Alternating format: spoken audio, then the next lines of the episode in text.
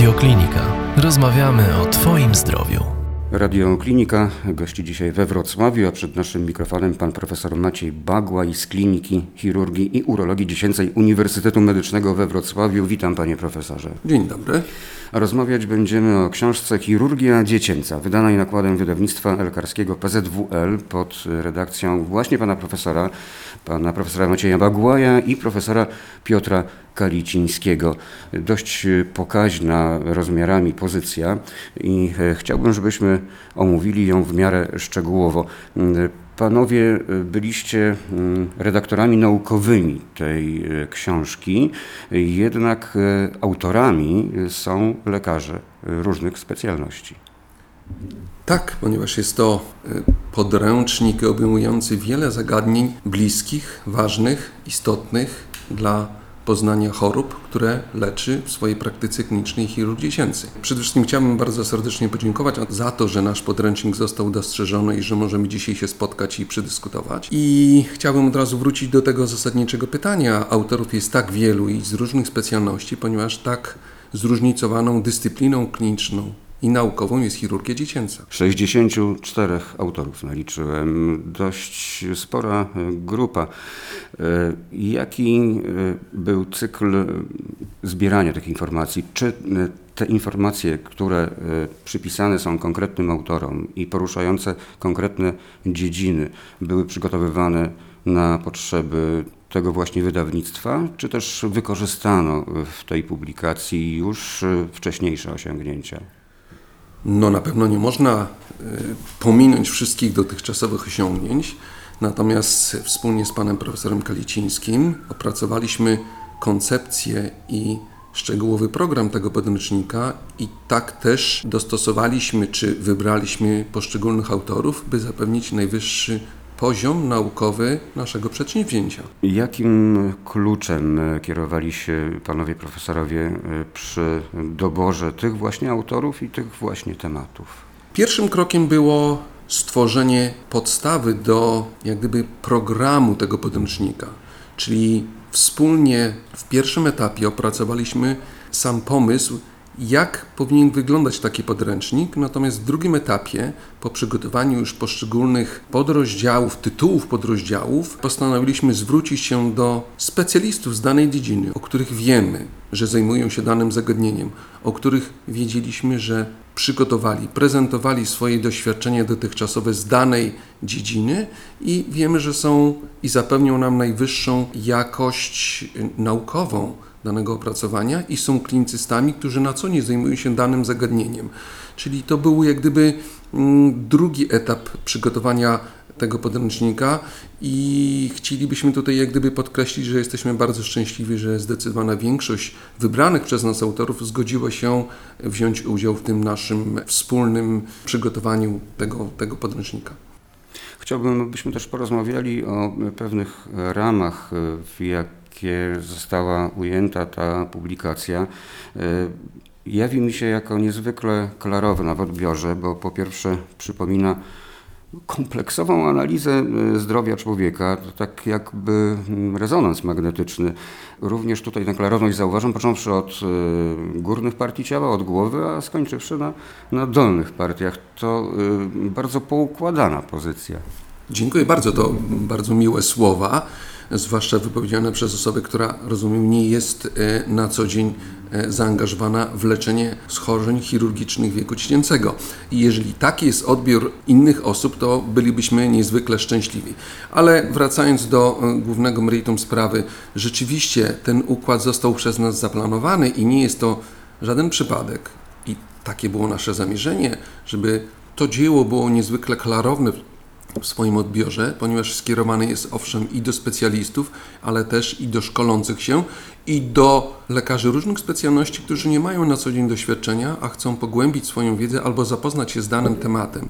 Także niewątpliwie wykorzystaliśmy swoje doświadczenie z poprzednich podobnych opracowań, ale przede wszystkim wspólnie to, co Pan podkreśla, staraliśmy się stworzyć pewne ramy czy przestrzeń, w obrębie której mieli poruszać się potencjalni autorzy.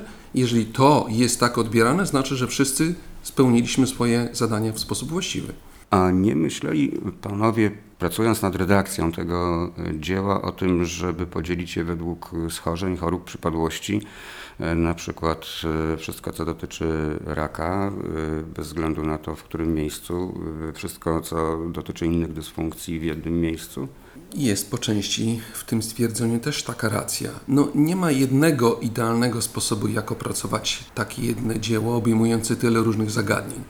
Można powiedzieć, że przyjęliśmy następujący schemat. Pierwsza część tego wydawnictwa poświęcona jest zagadnieniom ogólnym, które dotyczą wszystkich poszczególnych i ogólnych jednostek chorobowych, z którymi dyskutujemy na łamach podręcznika. Druga część została jak gdyby określona jako część szczegółowa, w której opisujemy poszczególne jednostki chorobowe czy grupy jednostek chorobowych podzielone w zależności od lokalizacji anatomicznej obszaru, którego dotyczą takie podziały czy takie schematy podręczników z chirurgii dziecięcej spotykane są w piśmieństwie zagranicznym, z którego też czerpaliśmy swoje doświadczenia.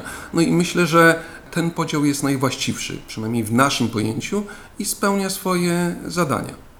Ja tę konsekwencję postrzegam także e, w prowadzeniu poszczególnych rozdziałów, e, bo e, jest tam wstęp, jest później diagnostyka, epidemiologia, objawy, rozpoznanie, leczenie. To tak oczywiście w ogólnym zarysie, niektóre rozdziały odrobinę od siebie odbiegają, ale ogólny zarys taki właśnie jest. Zachowany w opisach większości przypadków. To kolejny element, moim zdaniem, takiej harmonijności tej pozycji. Oczywiście ja to oceniam in plus czy jednak w poszczególnych akapitach znajdziemy opisy możliwych pomyłek w rozpoznaniu, e, w symptomach, no a co za tym idzie w terapii. Konsekwencją tego jest stwierdzenie, jak unikać nieprawidłowego postępowania. Czy, czy zwracali e, Państwo uwagę również na ten aspekt sprawy? To bardzo ważny aspekt, ale niewątpliwie głównym celem tego wydawnictwa jest zaprezentowanie, jak powinno się rozpoznawać i jak powinno się leczyć dane jednostki chorobowe. Oczywiście jest w każdym rozdziale, przynajmniej były takie też zalecenia dla naszych autorów, aby zaznaczyć potencjalne powikłania, potencjalne błędy, które mogą być popełnione przy zetknięciu się z pacjentem z daną chorobą czy z danym problemem medycznym, ale to nie jest, to nie było głównym celem. Y, oczywiście mm, istnieje podręcznik powikłania w chirurgii dziecięcej, który został wydany kilka lat temu. I to bardzo cenna informacja. I nie chcielibyśmy, w tym podręczniku chcielibyśmy zaprezentować głównie, jak należy postępować. Natomiast te potencjalne błędy, o których Pan wspomniał, to niezwykle ważny aspekt. Chyba myślę, że zasługują na oddzielne wydawnictwo nad którym również pomyślimy. No to bardzo się cieszę, że mogę być inspiracją do kolejnej medycznej pozycji, która będzie pomocna w kształceniu e, młodych kadr lekarskich, ale też i e, jakby poszerzaniu wiedzy tych, którzy mają już jakieś doświadczenie, bo jak rozumiem, jest to pozycja e, i dla jednych, i dla drugich. Ależ oczywiście. Tak jest. Chociaż muszę wrócić do poprzedniej myśli, nie da się ukryć, że mm, najszybciej uczymy się na błędach, e, no, na własnych przede wszystkim, no ale chodzi o to, żeby tych błędów nie popełniać w ogóle, choć to jest chyba niemożliwe, żeby popełniać ich jak najmniej i o tym też musimy y, dyskutować. Ale to niewątpliwie następny krok. Jeśli powstanie oczywiście taka pozycja, na pewno Radioklinika nie omieszka również i zawitać ponownie u pana profesora, byśmy ją omówili. Teraz proponuję, abyśmy porozmawiali już o nieco głębiej o samej treści. Treści poszczególnych rozdziałów są no, generalnie napisane językiem lekarskim, ale ja czytając E, tę książkę, dostrzegam również e, takie momenty, że mm, czyta się ją jak książkę beletrystyczną, czyli jest to również pozycja w moim mniemaniu, e, która może trafić do osoby zupełnie niezwiązanej z medycyną, a którą interesują przypadki medyczne z dziedziny chirurgii dziecięcej. To również bardzo miłe słowa i, i, i przyjmuję je jako komplement. Jeżeli ten język, którym posługiwali się autorzy, jest przystępny, dostępny i prosty. Chociaż oczywiście e, adresatami tego podręcznika są przede wszystkim w naszym zamierzeniu lekarze. Każdy może ten podręcznik zakupić i każdy może z niego skorzystać. Jest to przecież e, chyba dzielenie się własnym doświadczeniem bez określania konkretnego adresata i każdy może być tym adresatem. Ale wracając do tego języka, rzeczywiście mieliśmy na początku naszych prac redakcyjnych pewien dylemat. Czy opracować to jako kompendium i posługiwać się bardzo zwięzłym, konkretnym językiem lekarskim, nawet posługując się równoważnikami zdań, żeby tylko zaakcentować to, co najważniejsze, czy tak jak Pan wspomniał, posługiwać się językiem, no już można powiedzieć prawie że literackim, używając pełnych zdań, by czytało się to w sposób też również bardzo przejrzysty i klarowny, choć niewątpliwie wydłuża to treść każdego z rozdziałów. Może powodować, że ktoś, kto zna dany temat, może nie być już do końca tak zainteresowany. Ale wybraliśmy jednak tą drugą opcję, tą, którą Pan wspomniał. Czyta się w sposób y, bardzo przystępny i jest to dla nas ważne, że to udało nam się zrealizować. Istnieje wiele podręczników z różnych dyscyplin medycznych i naprawdę istnieje wiele form. Są formy, które na przykład akceptują bardzo dobrze studenci, tak zwane te, o których wspomniałem, że krótka treść, bardzo yy, ilustracyjnie przedstawione najważniejsze zagadnienia z równoważnikami zdań, podkreśleniami, zaznaczeniami. To nie było jednak naszym zamieniem. Z tej opcji się wycofaliśmy. No ja myślę, że to było trafne posunięcie, bo y, książka zdecydowanie może zainteresować zarówno y, specjalistów, bądź tych, którzy kształcą się w kierunku pewnych specjalizacji, jak i osób niezwiązanych z medycyną, ale chciałby się dowiedzieć czegoś więcej na temat e, różnych przypadłości i chorób. W opisach poszczególnych przypadków, jak już e, wspomnieliśmy gdzieś po drodze, jest także terapia. Oprócz podstawowego założenia wydawnictwa, czyli chirurgii dziecięcej, mowa jest o leczeniu także farmakologicznym. To tak jakby też w pewnym sensie przypisanie do tych rozdziałów i poszczególnych przypadków zapisów farmakopei polskiej. Jak pan profesor widzi to za jakiś czas, kiedy pojawią się nowe leki? Widzę to w sposób bardzo prosty. Pojawi się nowy podręcznik, który będzie umywał nowe leki, ale to jest nieodłączny upływ czasu i postępu w medycynie. Nie jesteśmy w stanie przewidzieć, jakie leki będą wprowadzone i dlatego posługujemy się takimi nazwami, które są przyjęte i powszechne dla lekarzy obecnie pracujących.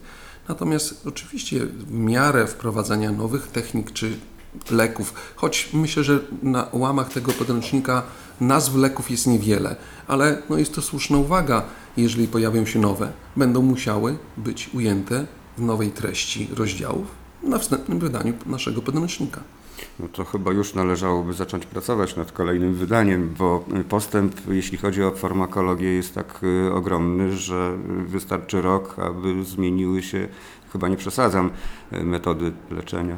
Ależ oczywiście, ale muszę tu z naciskiem podkreślić, chirurgia dziecięca to przede wszystkim dyscyplina kliniczna, w której stosowane są techniki chirurgiczne. Tak jest. I tutaj wracamy do klu y, naszej rozmowy, bo farmakologia swoją drogą, ja chciałem tylko jako y, pewien dodatkowy wątek y, dotknąć tej dziedziny. Jednak właśnie podstawą książki jest chirurgia dziecięca, czy metody chirurgiczne odnoszące się do opisanych poszczególnych przypadków też nie ewoluują, bo przecież tutaj też jest progres. Ale no i to jest właściwie zasadnicza przesłanka która dyktowała nam podjęcie działań nad wznowieniem czy wydaniem nowoczesnego podręcznika, który właśnie by umował, ponieważ ostatni podręcznik ukazał się ponad 10 lat temu.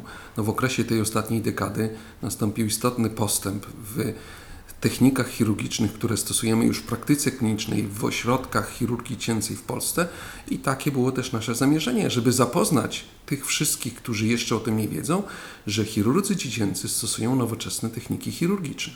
Bardzo się cieszę, że pan profesor dotknął tego poprzedniego wydawnictwa. 2005 rok, jeśli mnie pamięć nie myli, to wtedy ukazało się właśnie podobne wydawnictwo, jednak jego treść mm, jest bardzo wzbogacona. Y, mówimy tutaj już o, o bieżącym y, wydaniu. Jest poszerzona o dodatkowe wątki, dodatkowe rozdziały.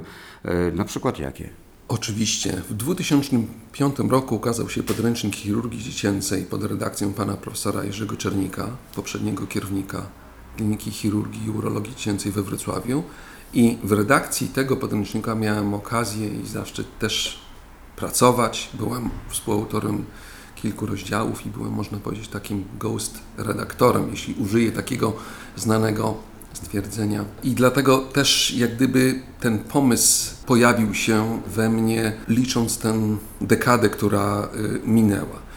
I oczywiście wspólnie z profesorem Kalicińskim, przygotowując się do wystąpienia do naszych potencjalnych współautorów, pracowaliśmy nad programem tego podręcznika. Nie było wątpliwości, że wiele rozdziałów musi zostać napisanych całkowicie na nowo albo stworzonych, ponieważ poprzednie rozdziały nie odpowiadają aktualnemu stanowi wiedzy.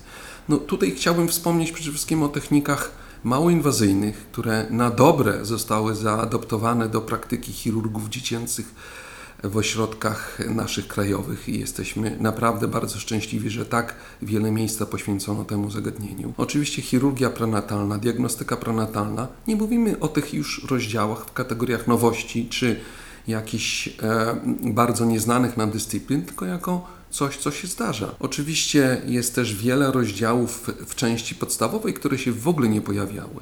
Jest wiele rozdziałów w części praktycznej, które w ogóle nie były i nigdy nie było omawiane w żadnym z podręczników z zakresu chirurgii cięcej w Polsce. Chirurgia naczyń, chirurgia bariatryczna, chirurgia wad wrodzonych układu oddechowego i mógłbym tu jeszcze wiele takich poszczególnych rozdziałów wymienić, ale niewątpliwie jest to bardzo nowatorski podręcznik, którego treść nie odbiega od podobnych y, wydawnictw. No ja myślę, że tutaj w tym przypadku mm, Polacy nie muszą mieć kompleksów. Raczej chyba mm, myślę, że jesteśmy w czołówce tych, którzy na nowinki, również i w chirurgii dziecięcej zwracają y, uwagę i, najlepszym tego dowodem jest chirurgia dziecięca, czyli pozycja, która leży przed nami. Mam nadzieję, że tak to zostanie to odebrane, ale bez względu na to, jaki będzie stosunek czytelników do chirurgii dziecięcej, niewątpliwie ona odzwierciedla wysoki poziom chirurgii cięcej e, w naszym kraju. Wspomniał pan profesor, e, iż książka kładzie nacisk na e, działania mało inwazyjne, ale opisuje też inne formy ingerencji. Nie, może nie tyle kładzie nacisk. Tu nie chcielibyśmy jak gdyby szufladkować, jak gdyby chirurgia małoinwazyjna nie jest alternatywą dla chirurgii ogólnej, jest jak gdyby uzupełnieniem, komplementarnym działaniem chirurgicznym, i są choroby, w których można zastosować chirurgię małoinwazyjną czy techniki małoinwazyjne. Są schorzenia, w których one nigdy nie znajdą zastosowania. Jak gdyby nie kładziemy nacisku na konieczność czy potrzebę, pokazujemy możliwości, a są też jednostki chorobowe, w których chirurgia małoinwazyjna zdobyła sobie trwałe miejsce i wyeliminowała tak zwane zabiegi otwarte i to dyskutujemy na łamach tego podręcznika w poszczególnych rozdziałach, akcentując znaczenie i rolę e, e, technik chirurgicznych. Chirurgia prenatalna. Padło z ust pana profesora takie również e, określenie i też chciałbym, byśmy się nad tym zatrzymali, bo to chyba współczesna e, bardzo forma chirurgii. Niewątpliwie. Tutaj mamy zaszczyt gościć na łamach naszego podręcznika pana profesora Bohosiewicza jako autora rozdziału chirurgii prenatalnej, który właściwie jest pionierem i a, wykonawcą wielu zabiegów u płodów zwłaszcza obarczonych wadami rozszczepowymi centralnego układu nerwowego i to doświadczenie niewątpliwie bardzo wzbogaca nasz podręcznik. Moglibyśmy dyskutować o chirurgii prenatalnej wiele. To na pewno jest dyscyplina, z którą wiązano wielkie nadzieje. Część z tych nadziei okazała się płonna. W części obszarów naszej działalności chirurgia prenatalna nadal stwarza olbrzymie możliwości korekcji czy poprawy rokowania dla dzieci obarczonych wadami wrodzonymi. No niewątpliwie jest to chirurgia, która ma jeszcze wielkie perspektywy przed sobą i niewątpliwie wiele jeszcze się zmieni, choć na obecną chwilę nie jest jeszcze to tak bardzo powszechnie i można tylko na palcach jednej dłoni wymienić ośrodki, w których takie zabiegi możliwe są do przeprowadzenia e, w naszym kraju, ale liczę, że z upływem czasu tych ośrodków będzie nieco więcej, choć niewątpliwie należy powiedzieć, istnieją bardzo poważne ograniczenia pod względem formalnym do realizacji takich zabiegów. To musi być cały zespół specjalistów, nie tylko chirurg dziecięcy. Chirurg dziecięcy jest tylko częścią takiego wysokospecjalistycznego zespołu podejmującego się opieki nad mamą i jej dzieckiem jeszcze nienarodzonym. Zespoły specjalistów różnych y, dziedzin to coraz częściej spotykane przypadki y, nie tylko w chirurgii y, dziecięcej, bo mamy takie czasy, że lekarze, specjaliści kompleksowo podchodzą do pacjenta. Z takim przypadkiem mamy również do czynienia tutaj przy chirurgii dziecięcej, jak pan profesor wspomniał. Całe zespoły lekarskie Oczywiście nowoczesna medycyna, a przede wszystkim medycyna tych najbardziej złożonych, skomplikowanych wad czy schorzeń wieku dziecięcego wymaga udziału lekarzy wielu specjalności i dlatego tak naprawdę istotne jest, aby dzisiaj centra medyczne, pediatryczne były naprawdę nowoczesnymi ośrodkami skupiającymi różnego rodzaju kliniki, jednostki w jednym miejscu. To, żeby pacjent nie musiał wędrować od specjalisty do specjalisty, tylko wszyscy specjaliści byli w jednym miejscu, a pacjent mógł spotkać ich w jednym budynku, co ułatwia nam po pierwsze opiekę nad takim pacjentem, nam, specjalistom, wymianę własnych poglądów i e, planowania całego działania terapeutycznego. Tak powinno być. Nie zawsze jeszcze jest. No i dodajmy, bardzo chyba wymiernie skraca proces terapii. Taka sytuacja, kiedy Ale oczywiście, no, bezdyskusyjnie to jest jeden z takich tylko argumentów, tylko takich ośrodków jest naprawdę jeszcze niewiele w naszym kraju. Mam wrażenie, że jak mówimy o takich e, przedsięwzięciach, często dzieci są pomijane, zapominane, bo to inaczej jest to traktowane. Być może tu jest taka nutka osobista, bo we Wrocławiu cały czas czekamy na taki ośrodek wielospecjalistyczny, uniwersytecki, szpital kliniczny, którego się nie możemy doczekać. Dzieci zasługują na to, żeby mieć jak najwyższy poziom opieki medycznej. No z drugiej strony muszę powiedzieć, że jeżeli rzeczywiście takie centra by powstały, ułatwiło tę opiekę, choć niewątpliwie dostępność usług byłaby znacznie y, trudniejsza, dlatego że okres oczekiwania na przyjazd do ośrodka gdzieś daleko od miejsca zamieszkania rodziców na pewno nie byłoby to prosta sprawa, żeby ten problem został jak gdyby rozwiązany. ale mnogość takich ośrodków rozwiązałaby problem kolejki. Oczywiście, że mnogość przy udziale, e, no tu nie możemy zapomnieć o podstawowej opiece zdrowotnej, lekarze rodzinni, pediatrzy i no, lekarze, y, jak gdyby, którzy stykają się w miejscu zamieszkania z takimi dziećmi.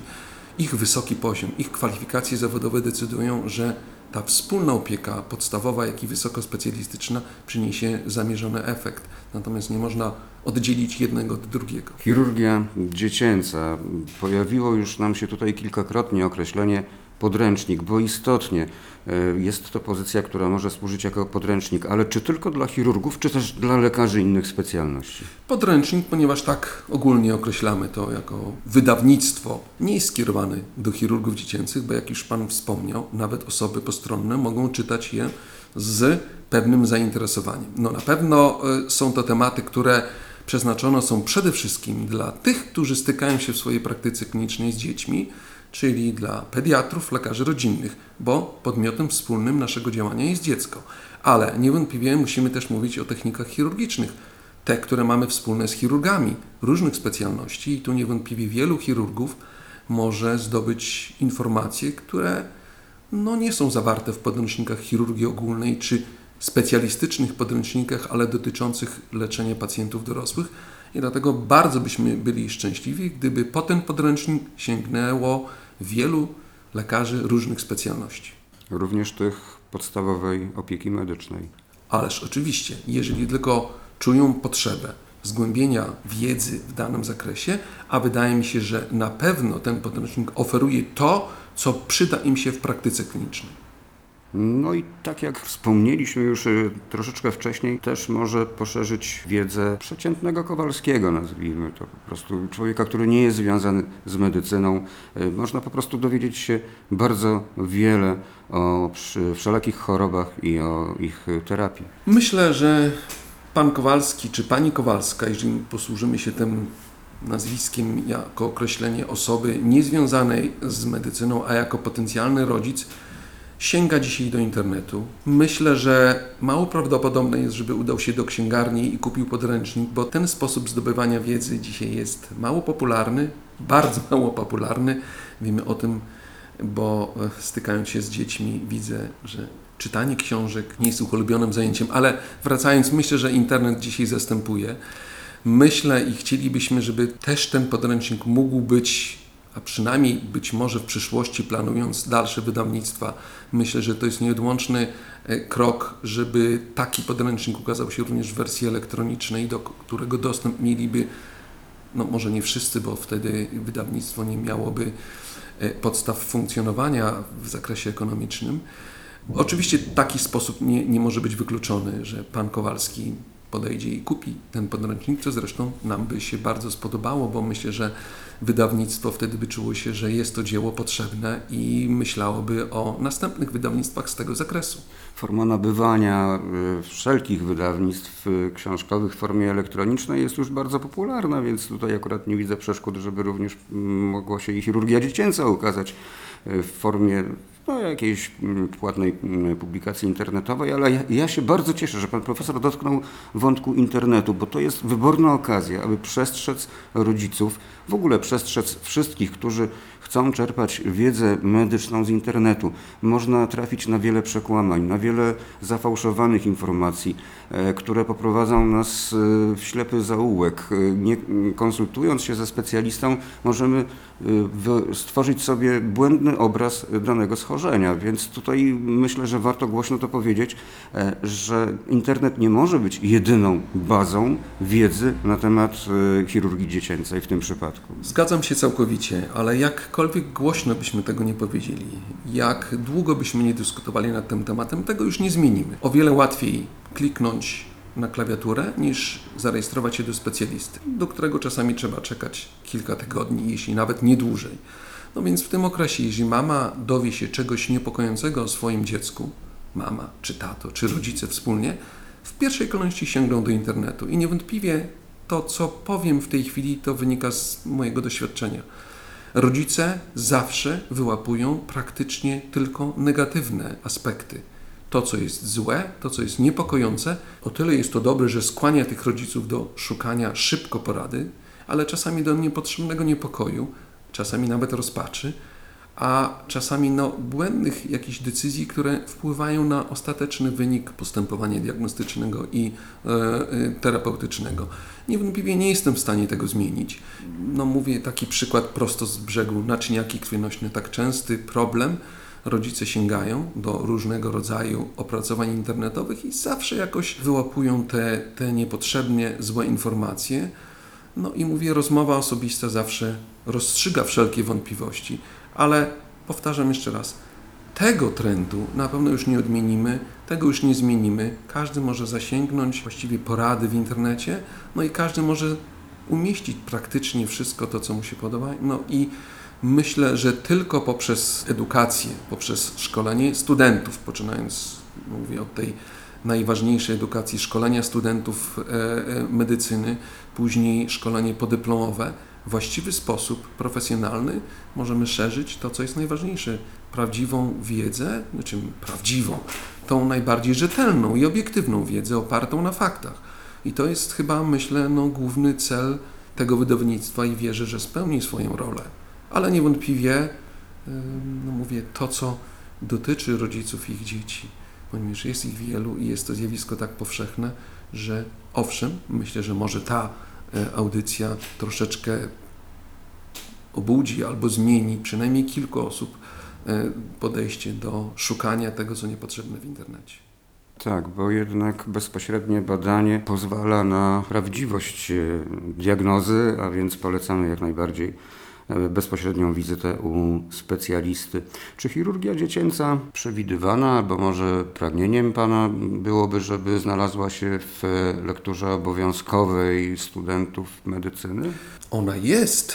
Powiem tak, szkolenie z zakresu chirurgii dziecięcej jest częścią programu dla studentów. W większości uczelni jest to niezależny przedmiot, nie zawsze zakończony egzaminem, co jak gdyby troszkę zmienia podejście studentów no bo przedmioty, które kończą się egzaminem, zawsze inaczej są traktowane. No jest to ważne i chyba jest to uzasadnione, że to, co może przynieść niepowodzenie w postaci niezdania egzaminu, musi być potraktowane nieco poważniej niż to, co kończy się seminarium, które można powtórzyć.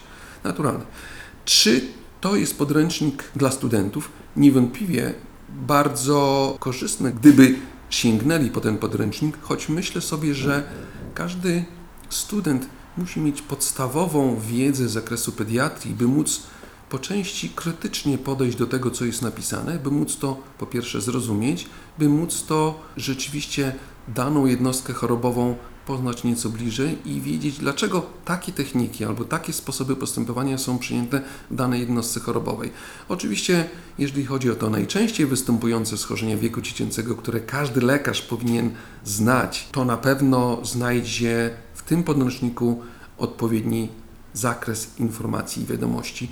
Choć niewątpliwie samo dzieło jest objętościowo duże i myślę, że to nie będzie podręcznik pierwszego wyboru dla studentów. Rzeczywiście wydawnictwo jest e, obszerne, ponad tysiąc stron, ale przecież e, jest tak skonstruowane, o czym wspominaliśmy na początku naszej rozmowy, że łatwo w nim znaleźć odpowiednie odniesienia do odpowiednich przypadłości bądź podejrzeń młodego lekarza, bądź też studenta, który chciałby zgłębić materię e, rzeczy.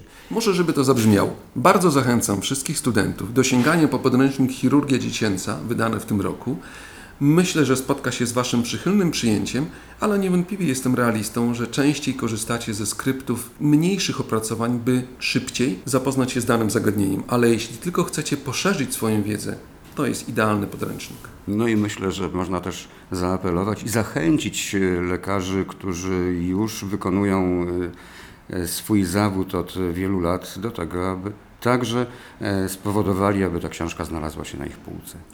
Bardzo bym się z tego cieszył. Bylibyśmy wspólnie z profesorem Kalicińskim bardzo szczęśliwi, gdyby cały nakład tego podręcznika zniknął z spółek księgarskich w sposób bardzo e, przejrzysty, czyli w ciągu jednego miesiąca i wydawnictwo e, wysunęłoby inicjatywę wydania wkrótce nowego podręcznika. Choć niewątpliwie jest to związane z bardzo dużym nakładem pracy przez wszystkich autorów i e, niewątpliwie wydanie nowego podręcznika nie jest zadaniem łatwym, krótkim, choć niewątpliwie przynosi wszystkim wiele satysfakcji. To dzieło ukazało się naprawdę w rekordowym czasie. Jesteśmy z tego powodu bardzo szczęśliwi. Dziękujemy wszystkim współautorom, że stanęli na wysokości zadania i byliśmy w stanie w ciągu krótszym niż jeden rok naprawdę zebrać cały materiał i e, wydawnictwu za to, że naprawdę tak wspaniale e, przygotowało i ubrało w formę graficzną wszystkie nasze opracowania. I to jest znakomita puenta naszej rozmowy. Przypomnę, gościem radiokliniki był pan profesor Maciej Bagłaj, który wspólnie z profesorem Piotrem Kalicińskim byli redaktorami naukowymi wydawnictwa Chirurgia Dziecięca, znakomitego podręcznika dla lekarzy wielu specjalności, ale też wydawnictwa, z którym może zapoznać się nawet osoba niezwiązana na co dzień z medycyną. Chirurgia Dziecięca została wydana nakładem wydawnictwa lekarskiego PZWL, a ja bardzo dziękuję panie profesorze. Pan profesor Maciej Bagłaj z Kliniki Chirurgii i Urologii Dziecięcej Uniwersytetu Medycznego we Wrocławiu. Raz jeszcze dziękuję. Dziękuję bardzo. Więcej audycji na stronie radioklinika.pl i w naszej aplikacji mobilnej.